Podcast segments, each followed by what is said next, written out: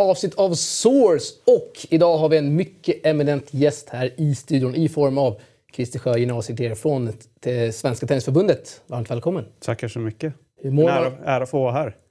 Kul för oss också. Eh, hur mår man så här kort efter en eh, mycket trevlig helg ändå? Ja, det är helt osannolikt. Alltså det, man vet inte om man har landat riktigt. Jakob frågade mig det innan. Alltså det, jag tror inte man har gjort det. Alltså det var en fantastiskt rolig helg. Alltså. Herregud, vilken energi. Både på plan och på läktaren. Och faktiskt lite i media också. Det var en riktigt bra drag ska vi se. Eh, Jakob, vi glömmer inte dig. Influgen från Kalmar som vanligt. Hur mår du? Jo, trevligt. eh, Mycket bra. Eh, Kommer från 19 grader och eh, solsken i Kalmar. Nu 7 grader och lite småduggs här i Stockholm. Men jag väl till Kalmar imorgon så jag klagar inte.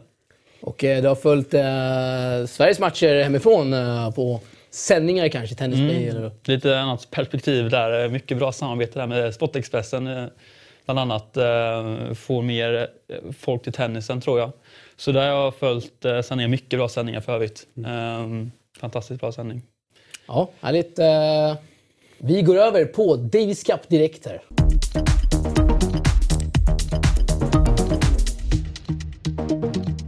Sverige vinner mot Portugal med 3-2 och får kvala till World Group i Davis Cup.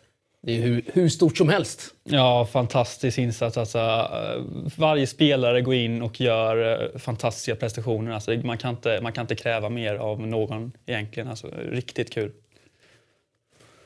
Christer, 3-2 mot Portugal. Ja, det är bara att hålla med. Det är ju femte raka segern i lag. Så att det, det kul att se liksom sammanhållningen och se liksom stämningen som råder i laget och liksom glädjen för det. Det är jätte, jättekul. Alltså. Där ser vi också eh, Elias Ymer i eh, skärmen. Eh, Mycket fina insatser under helgen. Ska vi summera spelarnas insatser kanske?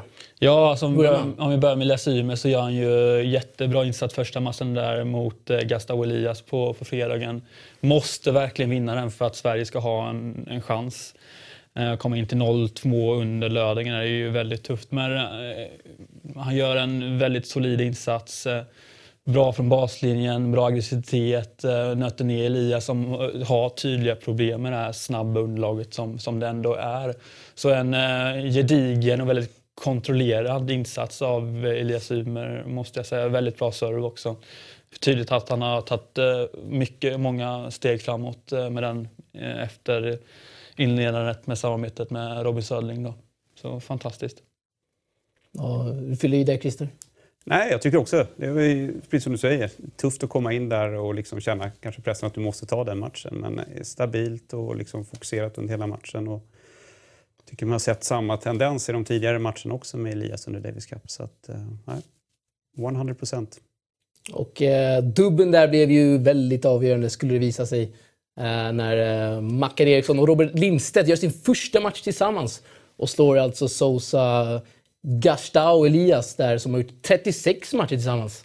Bara en sån grej. Vinner två raka set. Ja, man såg ju redan under de här intervjuerna innan som Expressen gjorde att eh, det här kommer fungera jättebra. Man, eh, Robban lyfte ju Eriksson och jag tror det var även, eh, Robban antydde det även efter att eh, han hade även lyfts av Mackan. Så ett eh, väldigt eh, kompatibelt, eh, bra par. De stöttar varandra genom hela matcherna. Inga, inga sura miner eller någonting. De går 100 procent. Även fast han var en aningen sämre kanske än portugiserna i första set så red man ändå ut det genom en vinst i tiebreak där. Så ja, riktigt bra. Riktigt bra.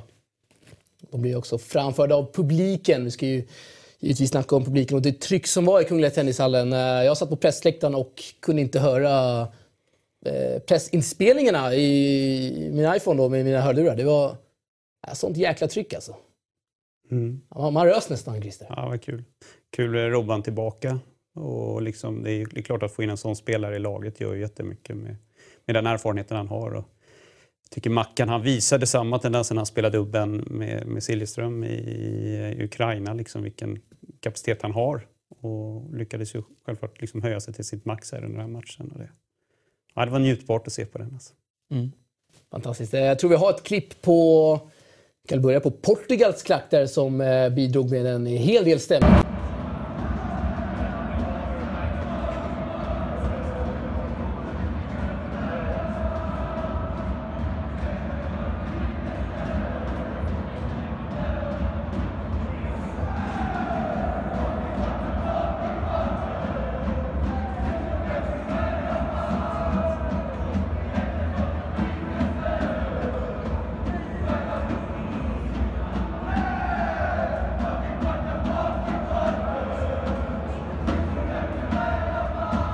Har vi Portugals klack. Eh, de var väl ett 30-tal som flög in direkt från Portugal. Jag vet att ni fick hämta dem va, på flygplatsen? Ja, just det. Vi fick uppdrag att skicka en buss och, och hämta hejarklacken. Men det, det förgyllde ju stämningen och det är klart att det drar sig med sig den svenska, svenska klacken också. Liksom. Mm. Och de här lyfter ju också ja, men den svenska publiken som du är inne på.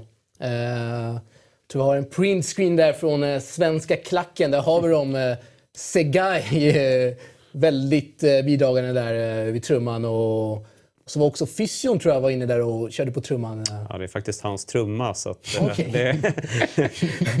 det förklarar en del. Ja, precis.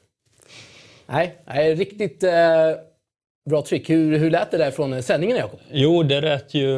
Man, man var ju lite, när man var lite från eh, tvn så, så hörde man ju om det var Portugal som vann poäng eller eh, Sverige. Om det var Portugal så var det, så var det eh, jubel med, med röster. När, när Sverige vann poäng så var det liksom en mer anstormning med applåder. Så, Ja, men riktigt fin stämning. Även, även om det inte är fullsatt liksom, så är Kungliga väldigt tacksamt att det, att det bildas mycket akustik i i eh, hallen då, så eh, det är väldigt lätt att få bra stämning i, i Kungliga. Så eh, jag är lite nyfiken på vad, vad gjorde ni, vad gjorde ni sen att ni, att ni valde Kungliga från början?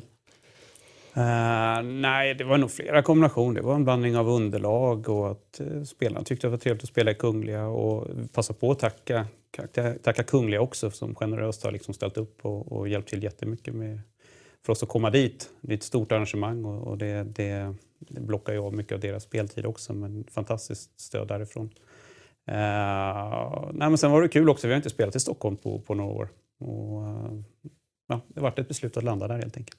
Mm. Ja, vi diskuterar ju mycket så här. Jag vill ju ha det lite mer ute i landet. Då, eh, Stockholmskillen vill såklart ha det i Stockholm. Mm. Mm. Hur, hur går tankarna igenom att ha det i storstaden eller att försöka etablera tennisintresset eh, i övriga landet? Nej, nu, vi har ju varit ute i det mm. landet och jag, tror, jag vet inte om vi riktigt har någon jättetydlig strategi för det. Vi, vi har landat i två bra anläggningar den sista tiden i Båstad och i, i, uh, i, i, Stockholm och tidigare var vi ju i Jönköping där lite grann. Så att, och det är samma sak i nästa match, den, är, den, är, den får vi ta ett snack om nu var vi ska, var vi ska landa den någonstans. Alltså, men vi har gett mer smock både här och uh, senast i Båstad och självklart även i Jönköping när vi var där.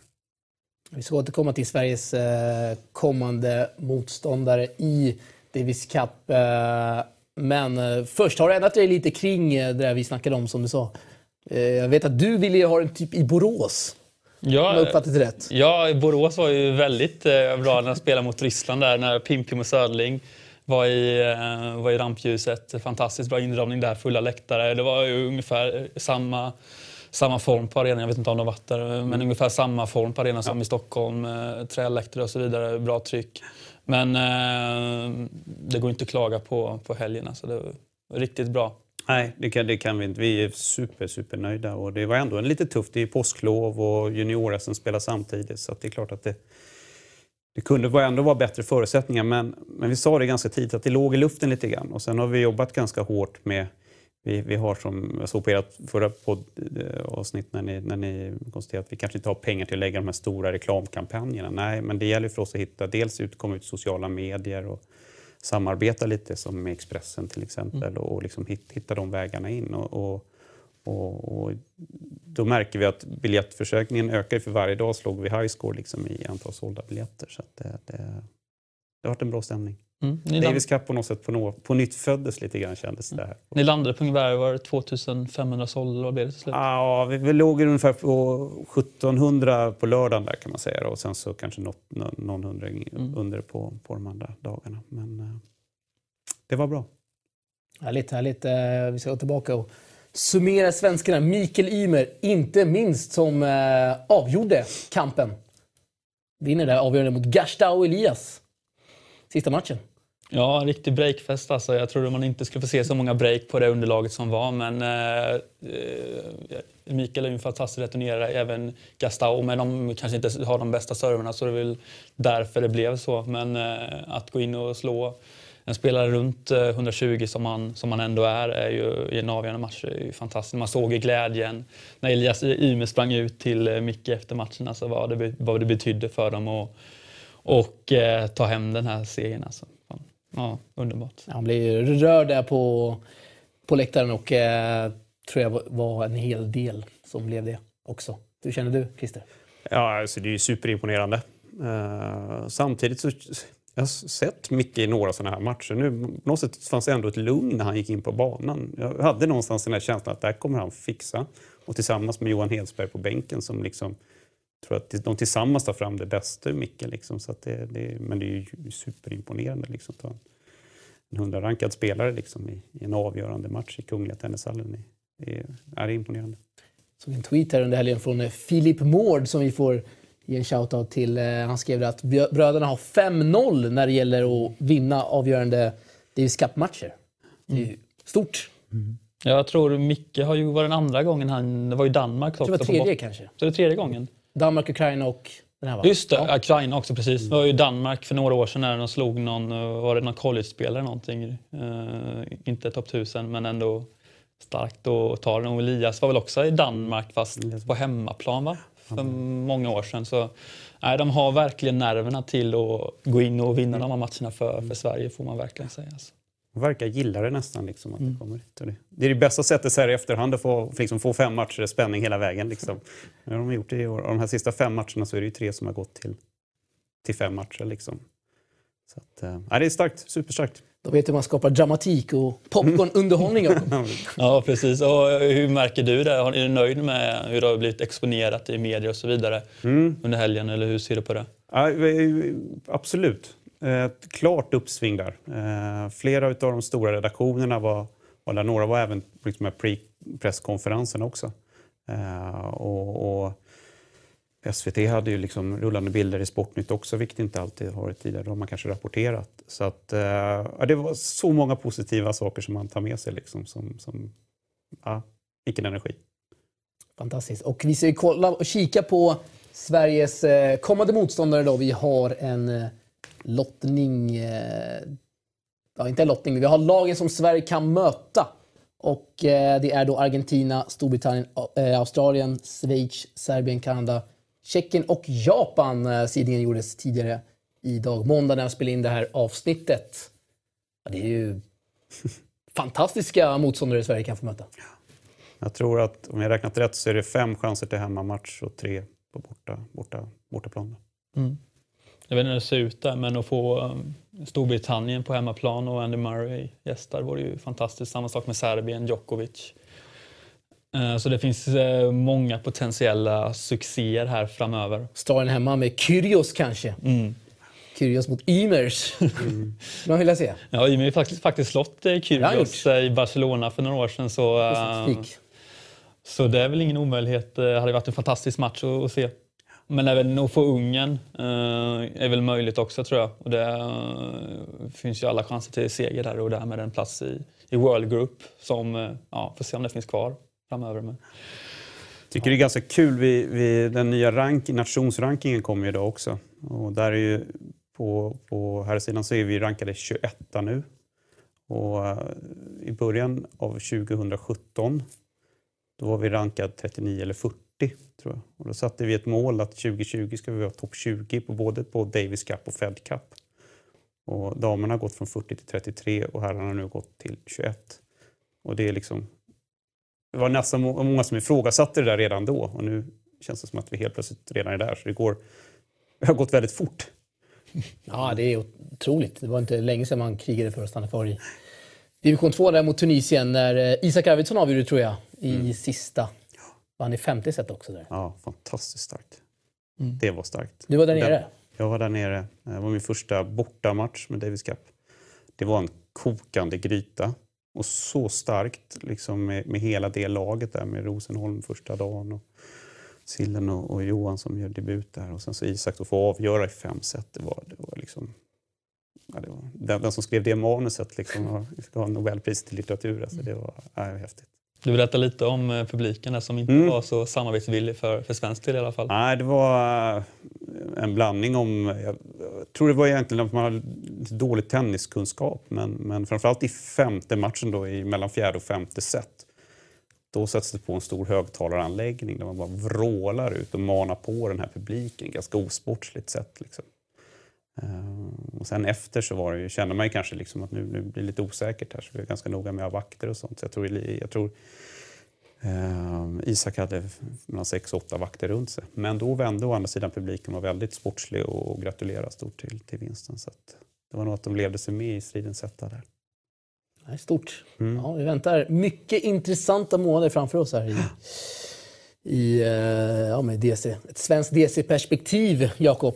Uh, kan det bli en bortresa för dig kanske? Argentina borta? Mm, man har ju sagt, du sett hur riktigt, där är ju riktigt tryck på deras Davis Cup. Men lite, lite bättre nivå i Kungliga kanske. Men uh, ja, fantastiskt alltså. Åka till Argentina på en DC-match. Med Del Potro som kanske spelar mot uh, ja, Elias Ymer. Då. Så den resan vill man ju inte missa i så fall. Käka lite kött däremellan också. De är kända för sina stekar. Ja. Inte jag har någon koll på men det... jag tror det är så. Ja, det, det är det. Så är det. Uh, vi ska gå vidare också till uh, Davis Cup. Det har ju spelats matcher i World Group och vi ska ta ett svep över det. Då har vi då resultaten. Mycket av det här såg du i helgen, Jakob? Jag såg lite på Spanien-Tyskland faktiskt. Eh, fantastiskt kul att se Nadal tillbaka på banan. Fullständigt mal ju ner motståndet han får både Zverev och Kohlschreiber. Eh, så eh, Nadal tillbaka. Kul att han gör comeback i Davis Cup som, som många struntar i. Eh, och eh, Ferrer mot Kohlschreiber, det femte avgörande. Riktig, riktig rysare alltså som Ferrer till slut vinner efter var det fem timmar eller någonting.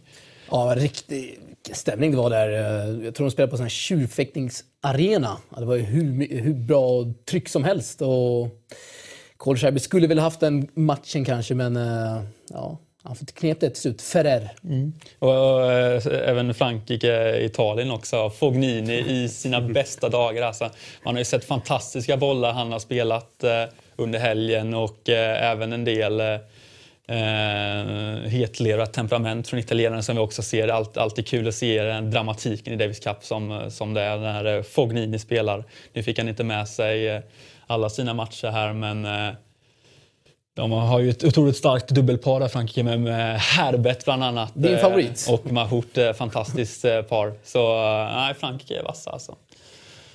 Och även Kazakstan med Kukushkin. Jag vet inte om Koric och eh, Silik är så imponerade över Kazakstan där nere i spelplanen. Jag har inte, jag har inte sett något. Men... Det brukar vara bra i DC. Golube brukar ju leverera. Men det blev för tuff här. Kroatien. USA, ganska planenligt.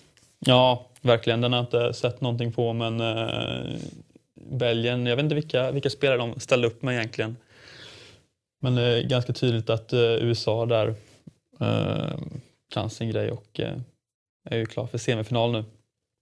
Vad tror vi om semifinalerna då? Frankrike, Spanien, Kroatien mot USA? Ja, Frankrike, Spanien är ju stekhett alltså. Kan ju gå jag vet inte vilka som har hemmaplan där. Men eh, om Frankrike är hemmaplan. Frankrike, ja. Undrar vilket underlag de lägger på. Om de ska våga lägga på grus. Det ja, gör det, de förmodligen inte. Nej, men, det gör de ju knappast. Nej, men eh, om de med ett lite snabbare underlag så kan de väl bjuda upp till match om Nadal spelar då. Men om Nadal spelar så är Spanien favoriter till att ta en plats i finalen. Ja, och eh, på tal om Davis Cup så har det varit mycket snack i helgen om eh, det kommande förslaget i World Cup of Tennis som det heter. Eh, ITF har kommit med ett nytt förslag och eh, då ska man alltså spela en turnering då under en vecka. Så tar man bort hela charmen med hemma och bortamatcher. Många spelare har fördömt det här. Hewitt och här har ni hans tweet där han fullständigt ratar det här nya förslaget. Vad säger ni? Vi har inte tagit någon officiellt ställningstagande än utan vi följer den här diskussionen. Det vi kan säga så här, och det är, det är positivt att ITF agerar vad gäller Davis Cup. Eh, det är ju det är så att någonting måste göras. Nu kommer ju Laver Cup och ATP var ju väldigt nära att släppa ut någon liknande World Team of Tennis som skulle, vad jag förstår, kanske gå lite innan Australian Open. Liksom. Och det, det hade kanske varit en väldigt tuff stöt mot Davis Cup. Så att man agerar i det här läget eh, tror vi är bra. Eh, sen så finns det ju andra grejer som är positiva i det här förslaget. Att, att de enorma pengarna som det här innebär. Det kommer ju trilla ner på alla nationer. Skulle ATP ha drivit det här då hade det kanske bara blivit till, till några topp, eh, toppnationer. Sen tycker jag att det är jätteviktigt att se eh, att spelarna ställer upp bakom det här. För gör inte de det, då, och de inte kommer spela, då kommer det ändå inte bli någonting. Men kan man garantera det, ja, men då, då kanske det är en, en ett, ett, klart bra alternativ. Så att, eh, det är klart att det, det berör många, men, men samtidigt så idag så är det 16 nationer som spelar i World Group. Liksom, eh, över, över 100 som spelar Davis Cup, så det är ändå en viss kategori av det. det är klart att det finns baksidor, att vi inte får se det på hemmaplan. Så att, eh, Eh, det finns både pros och cons. Det vi däremot är väldigt positiva till om vi hoppar till den format som man ändrade till eh, i, i grupp 1. Det här vi har spelat som nu i helgen. Det, det, och det tycker jag med hör i hallen också, att det, det är väldigt positivt. Det, det, det är ett bra arrangemang. Du börjar som vi gjorde nu fem här. Liksom. Folk hinner gå från jobbet, komma dit i lagom lång tid det tar och sen så tre matcher på lördag ganska intensivt.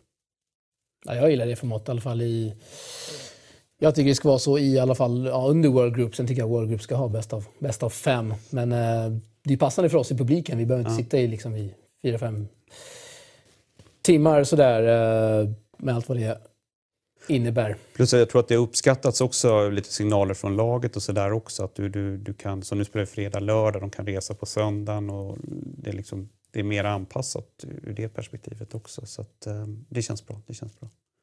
Så får vi se var det där landar. Det är en lång bit kvar till det, den där ska beslutas i augusti. Det. Och det är klart att eh, nationerna, inte bara spelnationerna, är också väldigt splittrade. Liksom. Det, det, det, är många som, som, som har väldigt stora arrangemang hemma liksom, som, som tappar dem. Jag pratade med Robban i helgen, Lindstedt. Han är helt säker på att det inte kommer ske. Eftersom eh, har vi eh, engelsk översättning, eh, Jakob. Eh, han är helt säker på att det inte ske, kommer ske eftersom hemnationerna tjänar så mycket pengar på det. Eh, han ser gärna att man har det varannat år egentligen. Eh, varannat år istället, Davis Cup då, så man kan ta lite viloveckor. Och så att de största stjärnorna kan spela deras events. Mm, alltså jag tänkte faktiskt precis säga exakt samma åsikt som Robban här. Oj. Eh, jag har inte sett det här men eh, varannat år, samma format nu. Länderna kan tjäna sina pengar.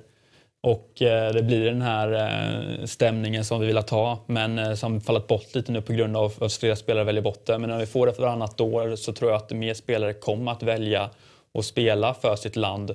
Och, och då kan vi få den här atmosfären som, som har fallit bort lite under, under åren kanske. Och det här formatet med och, att spela två matcher på, på fredagen och sen tre matcher på, på lördagen. Jag gillar det starkt alltså. För det har ju varit så att lördagen har fallit bort lite och, eh, och det blir lite sån här, eh, ja, inte, så, inte så hett och eh, med tanke på att det kan vara avgjort redan för söndagen som vi såg här i USA och Belgien så alltså jag hade, jag hade inte haft något emot om han satt in det eh, i World Group också faktiskt. Så ehm, ja, får se vad de kommer fram till men ett väldigt intressant beslut som kommer påverka tennisen och eh, det, även det här med Laver Cup också. Hur det kommer konkurrera med, med den tävlingen där Federer är eh, stort sett inblandat också. Mm. Har väl en del pengar investerade också i det här. Det har han. Så uh, hans, vad han kommer göra, uh, om han kommer spela för Schweiz eller om han kommer nobba, kommer ju också ha stor påverkan uh, på hela formatet gällande Davis Cup. det kommer ju inte han spela jättemånga år framöver här men ja, det blir spännande att se om de kan mäta sig med Laver Cup som var en, en stor succé förra året. Det var det, men det är ändå inte officiell tävling ändå, Laver Cup. Nej, men det är ändå en konkurrent till, det kommer ju bli en konkurrent. Bara man vill det inte så kommer det bli en konkurrent mm. om spelarnas tid och så vidare. Det var, spelades, var det under fyra dagar eller någonting? Ja, Chicago nästa. Jag ja. vände ju där, jag var ju helt emot det. Sen när man mm. såg Lever Cup så bara vände man och tokgillade Ja, de, eh, de verkligen var ju väldigt, eh, väldigt positiva till det, spelarna i alla fall. Så, ja, det är spännande att se hur det blir i Chicago här eh, framöver. Men någonstans måste man ju ändå liksom, man måste ha något motförslag. Jag tycker att det blir bra att det blir en diskussion om det. Och att man liksom, först så kan man diskutera, hade ITF kunnat förankra det här bättre? Det, det kanske inte gick nu utifrån de partners som de har med sig in, för det kommer som ett pressmeddelande även till oss som nation. Det är klart att det rör ju upp liksom, i, i grytan också. Eh, men, men att, att man verkligen agerar och, och får upp det tycker jag är eh, jättebra. För att ja. någonstans så, så, är det ju så att, och de har ju väldigt mycket statistik på det, att spelarna spelar ju inte de toppspelarna och de kanske spelar en match per år, liksom inte flera matcher och så vidare. Och det är på något sätt det, är det som är grunden i det hela om du ska ha ett VM i tennis. Liksom, att de är med. Härligt, härligt. Och eh, ni vet väl att ni får ert femte spel på Leo Vegas gratis när ni spelar hos dem. Det är eh, fina grejer Jakob, måste man ändå säga. Ja, verkligen. Så eh, in på Leo Vegas och eh, lägg ett bett på ett, eh, en lämplig kandidat, skulle jag säga. Det är alltid trevligt. Alltid trevligt. Och eh, nu ska jag faktiskt eh, prata mer eh, om dig här, Christer Sjö.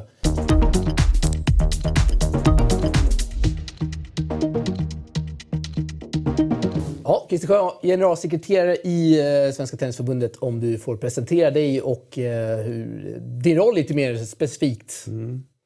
Ja, det, är, det är en fin titel. Man kan säga att man är, man är VD då, för att översätta det i, i företagsord. Uh, uppväxt i Stockholm. Uh, spelat tennis hela livet. Uh, inte på toppennivå. Men jag fick träna lite med division 1-laget i Danderyd liksom på, den, på den nivån.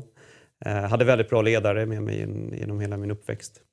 Eh, gjorde att jag valde att plugga vidare. Först på Lillsveds idrottsfolkhögskola och sen på GH i Stockholm. Eh, så jag liksom kommer från tränarleden och sen så har jag jobbat lite på klubbnivå, lite regionalt, lite på förbundet. Och sen, sen ett och ett halvt år tillbaka så fick jag chansen att kliva på det här.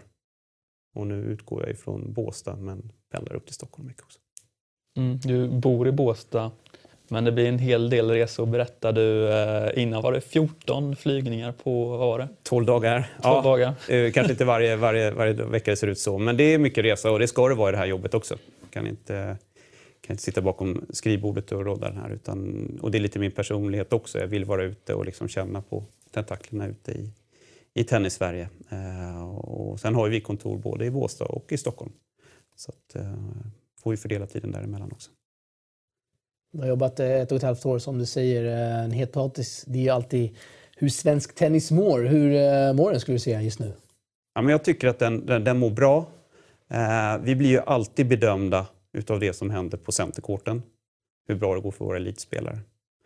Eh, och det är klart att där har inte vi varit med i hetluften. Nu börjar vi kanske närma oss både på dam och på herrsidan liksom att komma upp. Eh, men det är också intressant hur vi väljer att vinkla det där. Jag fick en rapport från Tennis Europe för eh, några, någon månad sedan. Och de lyfter de Sverige som ett av de absolut hetaste länderna. Vi har på juniorsidan klättrat 14 platser. Liksom. Vi är en av de nationer som har absolut liksom, starkaste uppgången där. När Johan Hedsberg var i Ukraina och fick, fick en eh, första intervju på presskonferensen så sa så, så, journalisten det är imponerande med Sverige för ni har lyckats med generationsväxling. Och eh, liksom, så ser ju inte vi på det, för de spelade med samma lag förra gången vi mötte dem och så vidare. Eh, och, och eh, som sagt, vi klättrar där också. Så det går ju framåt, men det är klart att vi jämförs med, med, med framgångarna förr. Liksom. Men om man lämnar den bollen lite grann så mår vi ju väldigt bra. Vi är ett av de förbund som har ökat medlemmar kontinuerligt under många år. Eh, de flesta andra minskar. Vi har en stark barn och ungdomskader som är ganska konstant. Vi har en stor tillväxt just nu på, på eh, vuxensidan. Vi är en stor arbetsgivare, vi äger våra hallar. Så i det perspektivet så går tennisen bra. Men som sagt, det är alltid den andra bilden som man hela tiden får försvara. Så jag är jättetacksam för att få säga det här också. Det är många som, många som, många som, som jobbar sliter. Liksom. Ja, som du säger, det fantastisk återväxt eh, gällande 14-åringar och så vidare mm. med Leo Borg bland annat. Eh, finns det någon anledning till varför vi börjar se framgångar eh, på Tennis Europe just nu? Eller är det, är det en slump? Nej, det är, det är nog ingen... Nej, det kan egentligen inte jag uttala mig om. Men min känsla, det jag hör i alla fall, är att de, de har tränat ganska mycket och de har också visat sin internationell miljö ganska mycket. Och det är väl klart för den, den kategorin av spelare som, som är på, på den nivån, då är det självklart viktigt. Eh, så det kanske är en del av förklaringen. Sen är det väl en slump också. Men det är roligt att de är ett stort gäng både på flickor och pojkar som, liksom, som drar där också. Och vi hade ju, som jag nämnde, bra juniorframgångar på juniorlandslagen förra året. Och, eh, ja, vi hoppas att det håller i sig. För liksom får vi igenom nu en, en Rebecka tar klivet upp kanske bröderna och några, några till tar kliven upp också, liksom, då, då kan de här haka på liksom, och då, då kan det börja rulla på ganska fort. Mm. Onekligen hoppas på ja. Mm. Det börjar se verkligen ljust ut efter några mörkår. Mm. Oh ja. Så riktigt spännande är det ju.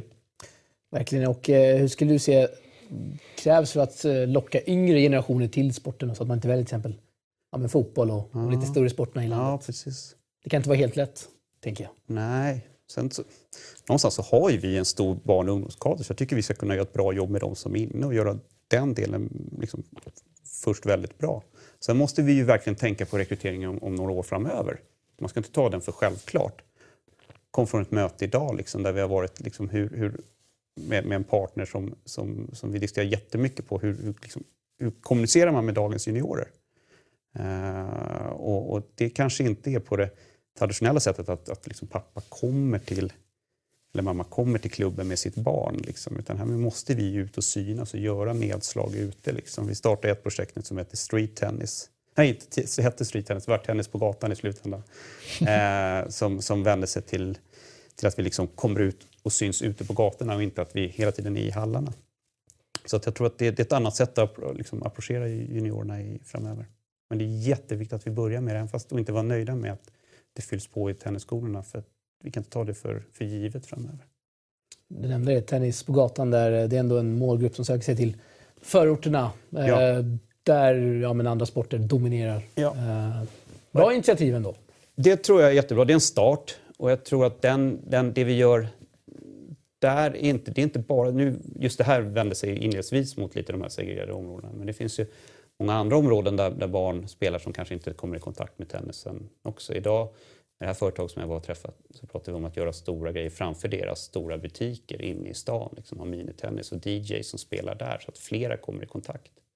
Sen är det viktigt i alla de här att du har en koppling mot klubben så att det inte blir bara prova på aktiviteter, att det finns en kontinuitet i det hela så att man liksom kan få komma in och börja spela lite grann. Eh, men samtidigt som det ska vara enkelt och det är därför vi har tennis på gatan. Det, liksom, det ska symbolisera att det går faktiskt att spela den här idrotten på gatan och det är ganska kul. Mm. Fler vill vi ha till tennisen. Ja, mm. ja vi såg ju där Daniel Berta kommer ju från ett sånt här segregerat område. Bland eh, få spelare som kommer från ett mm. sånt område i alla fall. Vad, vad tror du kommer få se flera sådana i framtiden? Det är väl eh, anledningen till det här projektet? Ja, men, ja, men det är för att fler ska få liksom upp eh, syn om tennis. Alla vet kanske inte riktigt vad tennis är för någonting. Vi tar det för givet här för att vi har haft så stora framgångar innan och våra föräldrar kanske har en connection också med det. Liksom. Men nästa generation kommer kanske inte ha det. Och då, då gäller det för oss att visa vad det här är för, för, för rolig grej vi håller på med och inspirera lite grann. Och då måste vi självklart vara ute och synas. Det kan vi inte sitta hemma och vänta på att de ska komma till oss. Härligt. Uh, tennis i skolorna. Jag jobbar själv inom skolvärlden och där får elever testa på pingis och inte tennis. Mm. Uh, är det knappt en sportpingis här? Nej, jag skojar. såg ni? såg vi pingis här i sändningen? Nej, men tennis är ju såklart mycket större globalt. Mm. Uh, och ja, men, när vi skickade 20 barn till en tennisklubb nära, var det bästa de hade provat på. Mm. Um, och några börjar också lira. Sådär. Kan man få den eh, liksom, kontakten med tennis i skolan? Ja, det får man prova på sporten? Nämna ett som heter Alla på grus som ges i Nor Norrköping. De bjuder in alla andra klassare tror jag i hela kommunen som får komma dit under och spela lite mer än bara en gång så att de får ett visst intresse och sen koppla på. Men det, det är viktigt att det sker i samband med klubbarna, liksom, att, att de är verkligen är med på noterna. Koppla, då, då kan du få det. Eh, så jag tror en kombination. Vi måste ut i skolorna självklart, men vi måste också ut på gatorna och synas med, med, med racket och boll. Alltså. Mm. Och eh, få skolorna också, klubbarna. Jag vet inte, det känns som det är flest akademierna som tar fram spelare som, som kan kom, tävla på, på ATP-nivå. Eh, har du någon förklaring till varför inte klubbarna får fram spelare på, på hög nivå? Jag tror en kombination mellan klubbar och, och i vissa fall akademier. Spelarna, någonstans så kommer ju spelarna någonstans ifrån också. Och, och, kan man hitta synergier där med akademin där det passar och det behövs ett tillflöde, ja men då är det väl jättebra. Men jag tror klubbarna gör ett fantastiskt bra jobb. Det finns ju många bra exempel på de som är framme idag. Som, och framförallt det här gänget som du pratar om, 15-16 eh, år. Det är många som har väldigt bra klubbbaser. Sen har några kryddat det med lite kombination med akademi. Och det, det är fine, det är jättebra för det behövs ju mycket tid. Det kan vi inte sticka under stolen med om du ska bli bra i tennis. Det, det är liksom, då krävs det en rejäl liksom, satsning på att du, att du spelar mycket. Det är ingenting att... Rebecka Petersson är en sån spelare som har kommit från klubbverksamheten och ändå kombinerat det med till exempel Good to Great. Liksom den kombon. Ja, precis. Jag tror, jätte, jag tror att det, det, det, kan vara bra för sen är det alltid... Klubbarna har ju ett väldigt brett uppdrag. Liksom. Men någonstans så kommer man kanske en, en nivå där det är svårt att liksom ta hela vägen. Då krävs det, krävs det stora resurser. Och kan man då hitta någon kombo med, med andra klubbar eller tillsammans med en akademi så är det jätte, jättebra. Ju mer tennis vi kan ha desto bättre. Mm. Eh, jag har spelat för, för en del klubbar och upplever att eh, nivån är väldigt varierande kring, kring ledare och tränare. Mm. Hur försöker ni höja den här nivån mm. på, på tränare? Jag tror att det där är en, en nyckelfråga för oss framöver. Ledar, ledarfrågan. Vi har otroligt mycket bra tränare i Sverige. Men vi har kanske lite blandad eh, nivå också. Så här måste vi investera. Och, och, och eh, jag pratade med Kalle Hageskog förut. Det finns några undersökningar där man tittat på liksom, investerar man lika mycket i tränarna som spelarna på något sätt och man tänker på dem samtidigt, det är då medaljerna kommer. Men, men, men eh, vi startade till exempel det här tränarteamet som är ett, ett projekt för att stötta upp de här. Vi, vi har licensierat, eller fått vår utbildning certifierad, kvalitetssäkrad utav internationella förbundet. Vi, vi lägger nu stor forskning på, ja, du är Kalmar där, men på Linnéuniversitetet för att titta just på hur ser arbetsrollen ut för de här tränarna idag? Vad är det för jobb som de, som de erbjuds lite grann för att kunna göra stödinsatser för dem? Men det är, en, det, är en, det, är, det är precis som lärarna i skolan. Det här är en så viktig punkt för oss framöver. Så den, den, den måste vi investera i framöver. Härligt. Och eh, fråga till dig här. Vilka är de tre största utmaningarna i svensk tennis skulle du säga? Utmaningar? Jag säger, jag tycker vi mår ganska bra. Men jag skulle vilja lägga mer på, på Alltså, elitsidan är jätteviktig för oss på alltså för att få upp spelare, för att vara bra inspiratörer framöver. Men om vi lägger dem återigen lite grann åt sidan så tror jag att tränarfrågan är en sån som är jätteviktig. Eh, jag tror att tävlings att få barnen att börja tävla. Där får man lite signal från klubbarna att det är lite, lite svårare att få barnen att komma igång och tävla. är en jätteviktig del.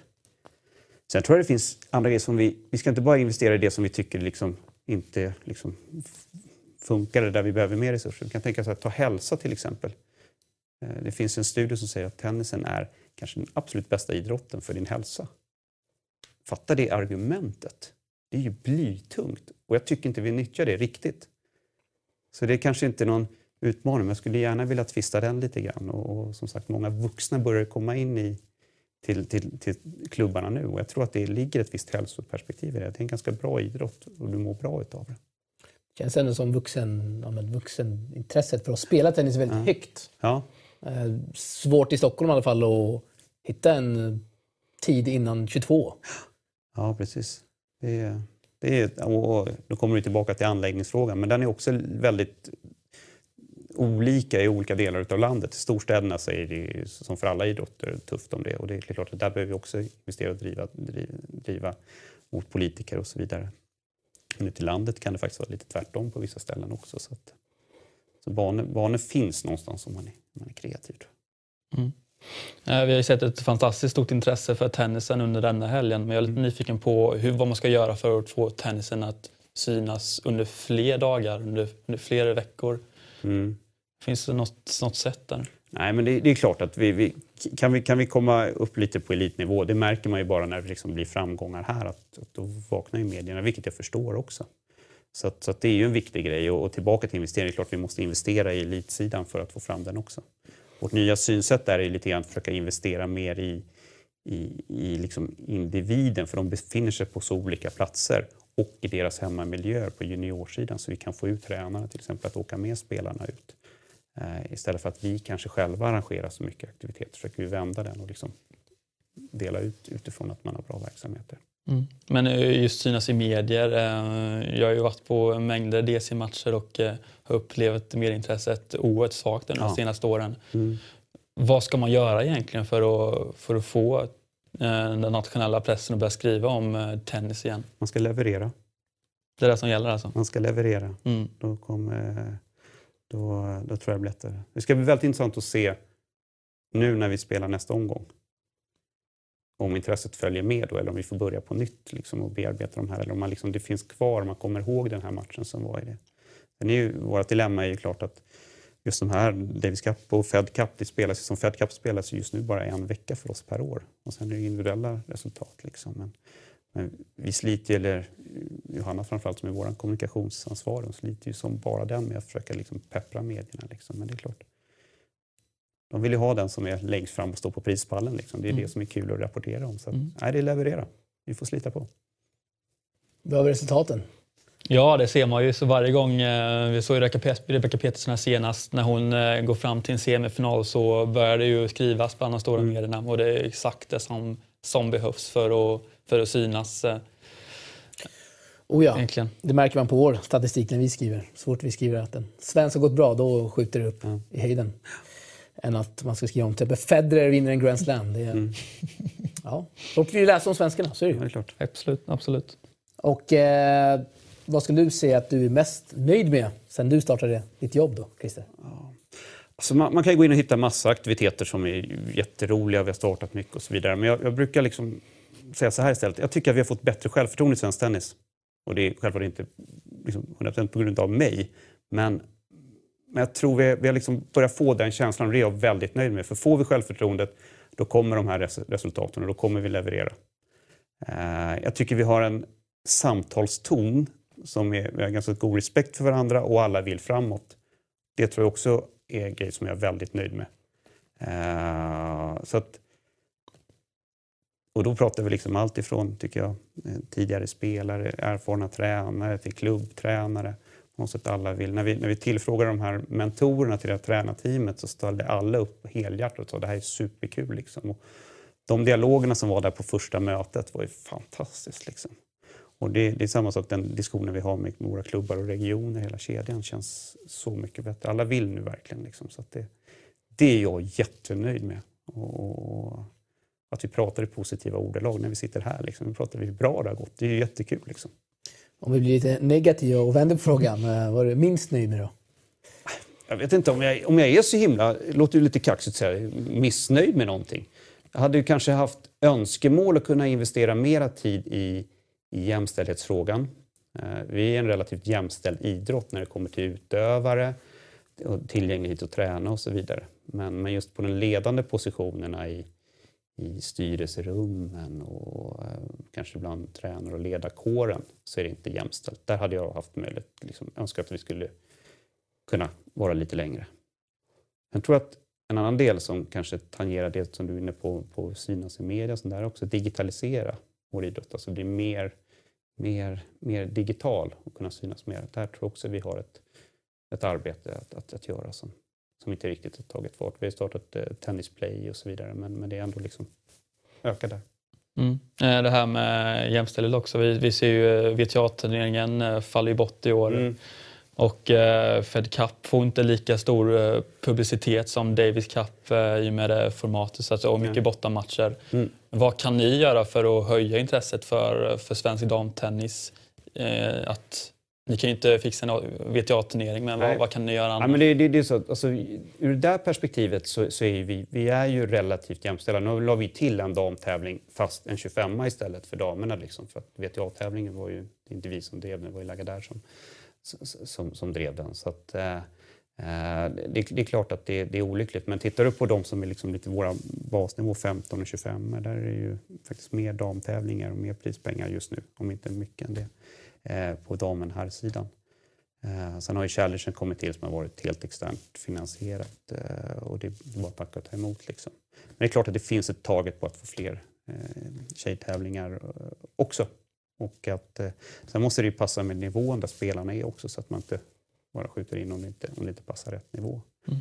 Men, men nej, tjejerna är superviktiga. De, de är så pass bra. De är så på, på gång nu också. Så det känns ju liksom alltid på juniorsidan och Rebecca har gjort resultat här. Och Lister och, och ja, det är många som, är, som hugger där bakom. Så att, ja, vi ska få fram, likadant som vi ska få fram tränarna samtidigt som spelarna så ska få damerna och herrarna gå, gå hand i hand.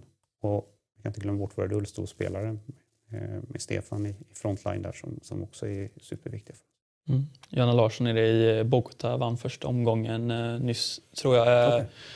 Hur, när får vi se Fed Cup i tennisplay.se tror du? Ja, vi försökte ju nu. Mm. Eh, det är ju bara att där äger ju inte vi möjligheten när det är på bortamatch. Så kan inte vi, vi försökte till och med hyra in ett eget produktionsbolag för att sända det där men de lyckades inte lösa det. För övrigt ett fantastiskt arrangemang där vi, där vi var i, i Italien. Men, men, men eh, ja, nästa år säger jag. Alltså det, det, det är ett viktigt taget för oss att sända både Davis Cup och Fed Cup. Mm. Så vi gjorde verkligen allt vi kunde den här gången, men det gick inte. Härligt, härligt. Uh, gå ingenstans. Vi är snart tillbaka med en officiell tittarfråga här från Oskarshamns bana 3.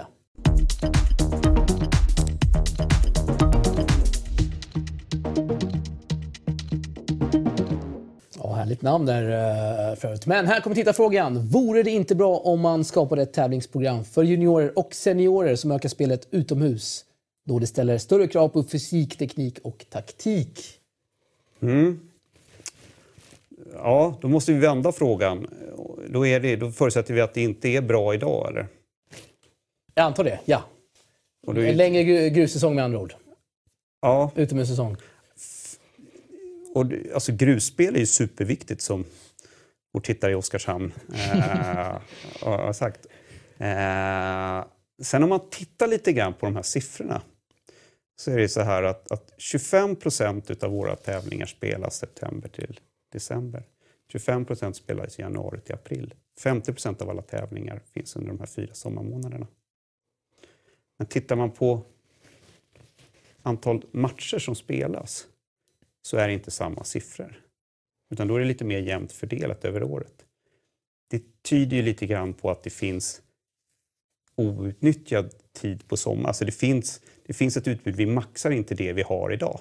Och det tycker jag är en viktig första fråga att se till att alltså, vi ha, när alla har lov dessutom, då borde vi ha jättemycket spelare. Eller är det så att spelarna tar semester? Uh, Sen är det självklart att titta på att vi får en bra grussäsong och, och om vi kan förlänga och så vidare. Vi gör ju nu en översyn av hela kalendern med allting och det följer sig naturligt eftersom eh, ITF ända till den här transition-touren så måste vi se igenom hela våra tävlingsprogram och det faller ju ner på allting till slut till junior-SM, till seriespel och så vidare. Så jag håller med vår tittare att, att det är viktigt med grustennis men man ska också vara väldigt noga med när man tittar på de här grejerna. Vad, vad, är, vad är faktan i det här? Mm. Man skulle kunna hålla på längre. Jag menar, I Storbritannien kör man ju nästintill året runt. Mm. Eh, kläder efter väder kanske. Ja, precis. Längre ut i september. Absolut. absolut. Ja, det är inte jag någon stor förespråkare för. Att stå och frysa på en blåsig bana i september det finns ju fan inget värre. Alltså. Nej, jag... på grus, det är ju inget fel. Ja? Och gneta på gruset. Inte i blåsten alltså. Jag hatar blåst. Sen måste man också dela upp det här, vem är det man pratar om? Pratar man om de här bättre spelarna eller pratar man om... Liksom, jag tror, vi riktar oss, jag tror han riktar sig mer till de här... Ja, och då, då, då, är det, då är det en frågeställning och är det liksom den som spelar en, två gånger i veckan, ja, men då kanske inte att förlänga grussäsongen är prio ett. Liksom. Då kanske är att den kanske vill spela inomhus i september för den tycker det är skönare. Det kanske gör att den fortsätter längre. Så man, man, det finns olika nyanser i den här frågan. Den är inte lätt att svara på. Mm. Vi hade ju nöjet att träffa Magnus Tideman i Umag eh, för några år sedan och han eh, kritiserade att spelarna, när det väl var utomhussäsong, mycket tävlingar, så åker man på semester istället. Hur, hur, ser, du, hur ser du på det? Ja, men det, det var lite grann det jag var inne på. Eh, jag har inte gjort någon djupare analys av det, men, men jag, ser, jag ser lite grann att det finns ju i befintligt så nyttjar vi inte det till max. Och någonstans måste man ju börja med det. Maxa det liksom och sen så får man ju se vilken ämne man kan ta det till sen. Ja. Uh, glöm inte också på Leo Vegas för nya spelare så får ni upp till 1000 kronor i bonus. De dubblar din första insättning på Leo Vegas nya spelare alltså. Det är en bra deal Jakob. Mycket bra deal. Kör på. Mycket bra deal. Och vi ska då gå vidare med våran uh, trippel som finns på Leo Vegas.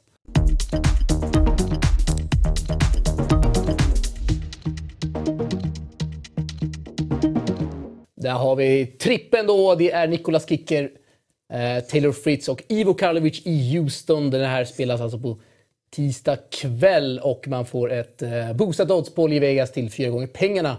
Spontant, vad känner du kring den här trippen Jakob? Ja, jag har ingen aning om vilka de möter riktigt. Eh, så riktigt svårt att uttala sig. Men eh, jag kan, jag kan dra dem. Ja, gör gärna det. Karlovic möter Taro Daniel, Fritz Taylor möter Tim Smicek och Kicker möter Donald Young.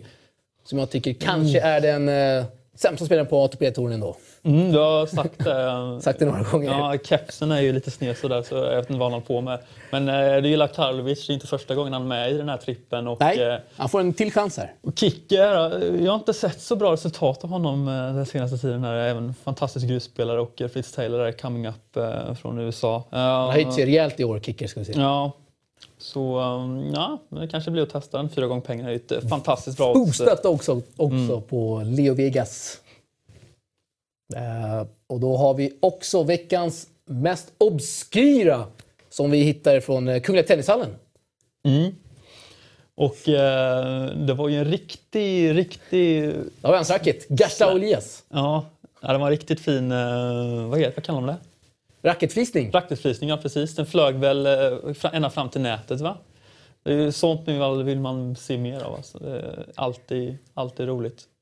Och höjer eh, Och stämningen. lillebrorsan Ymer där som eh, fick tag i racket efter match. Ja, fick var, ta en bild också. varje Ymer gjorde en insats under den här matchen verkar det som. Och det är väl de vi får hoppas på under året. Jag vet inte hur Rafael ligger till rankingmässigt. Men inte lika högt som sina bröder tror jag i alla fall.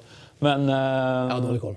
Ja, han är väl bland de bästa i Sverige i alla fall. Så eh, tre Ymers snart kanske. Och han bör ju leverera den här genom att hitta racketar från eh, Gastau.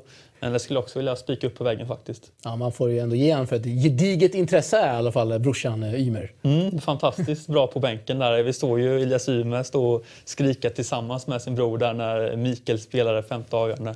Så riktigt kul att se stämningen där som de bidrog till mycket. Ja, det är kul. Eh, Det känns som vi har fått, fått mer i mesta här. Mm. Du kanske har någon konkurrent till veckans mest obskyra? Nej, den där är svårslagen. Jag vet inte om jag vill se mer utav det där, men det, det var den kanske... Tillför inte spotten eh, lite i alla fall? Ja, men jag vet inte. Ja, det får vara utländska spelare som gör det i så fall. Alltså. Våra svenska spelare sig. Jag tycker att man får viss förståelse här för att han gör ju en han gör ju inte en bra match i eh, sista mot eh, Mikael Ymer. Man ska inte ta ifrån Mikael Ymer hans insats, men Gersta Olias gjorde ju många dubbelfel och var inte på topp. Nej, nej det är Eh, ju dåligt alltså. Kanske hans livs viktigaste match i karriären ändå. Ja. Och så spelar man inte bra. Liksom. Nej, han hade ju verkligen nationen på, på sina axlar där med klacken där och ett väldigt stort team som har åkt med honom. Och nu får, får han bli lite syndabock här när han förlorar mot en spelare runt eh, 350 på rankingen. Så nej, han mår nog inte så bra, eh, Gastau. Vann inte en match i helgen ska vi säga också. Nej. Noll av tre inkl- inklusive dubbel. Ja. Det är tufft. Nej, du har ju träffat honom så du kanske har lite mer känsla på eh, hur han, hur han känner sig. Eh, jag, jag har inte träffat honom efter matchen faktiskt. Jag eh, Nej, men du var har och ju, snackade med Jao Sousa istället. Jag, jag har snack, eh, snackat med honom tidigare. Det har jag gjort. mm, Hyvens man, hyvens kille. Trevlig. inte, inte idag kanske. Inte igår heller, verkar det som. Nej, nej, jag valde inte att ta den diskussionen. uh, vad händer härnäst för dig, Christer? Ja, vad händer härnäst? Det är uh, årsmöte i Tennisförbundet om ett par veckor. Uh, alltid en viktig målsnöre för oss. Vi gör ett bra år även där tycker jag med resultatmässigt. Vi har fått in mer partners i år. Jättekul. Uh, ökat de intäkterna. Så ekonomin ser bra ut och verksamheten tycker jag rullar på. Så det är väl det närmaste som jag får gå hem och slipa lite grann på nu inför, inför det här. Mm. Vi måste ändå fråga hur det ser ut med sponsorer till, eh, till förbundet. här. Vi, vissa följer bort för några år sedan. Hur, hur ser intresset ut för, från näringslivet? bättre och bättre. Eh, vi har ju faktiskt ökat in med, med fyra, fem nya partners. Inte på samma nivå som, som eh, SEB kanske var på tidigare, men, men absolut. Jag tror vi ökar med drygt två miljoner i intäkterna på det här året och det är ju jättebra. Så kan vi plocka in många sådana och, och bra företag. Bra företag som vill aktivera sig ihop med oss också, som liksom skapar ett nätverk. Så att, eh, det, är en, det, är ett, ja, det, är ett, det är ett hårt arbete, så är det. Men även där ljusnar det lite grann. Alltså. Så jag, ger, jag ger positiva bilder, så jag står för det. Ja, vi eh, har förhoppningar om en bra framtid här. Och när det här avsnitt, eh, avsnittet är släppt så vet vi också vilka Sverige möter i playoff i World Group. Ah, fan vad kul det känns ändå. Mycket bra. Mycket bra. Och eh, följ oss på sociala medier. Vi finns på tennisplanen.se. Eh, vi finns på Facebook, Twitter och så på Source. Eh, där vi snart över 100 följare på Instagram, Jakob. Ja, Din favoritapp. Det, det är din app. Jag är inte så mycket för Instagram.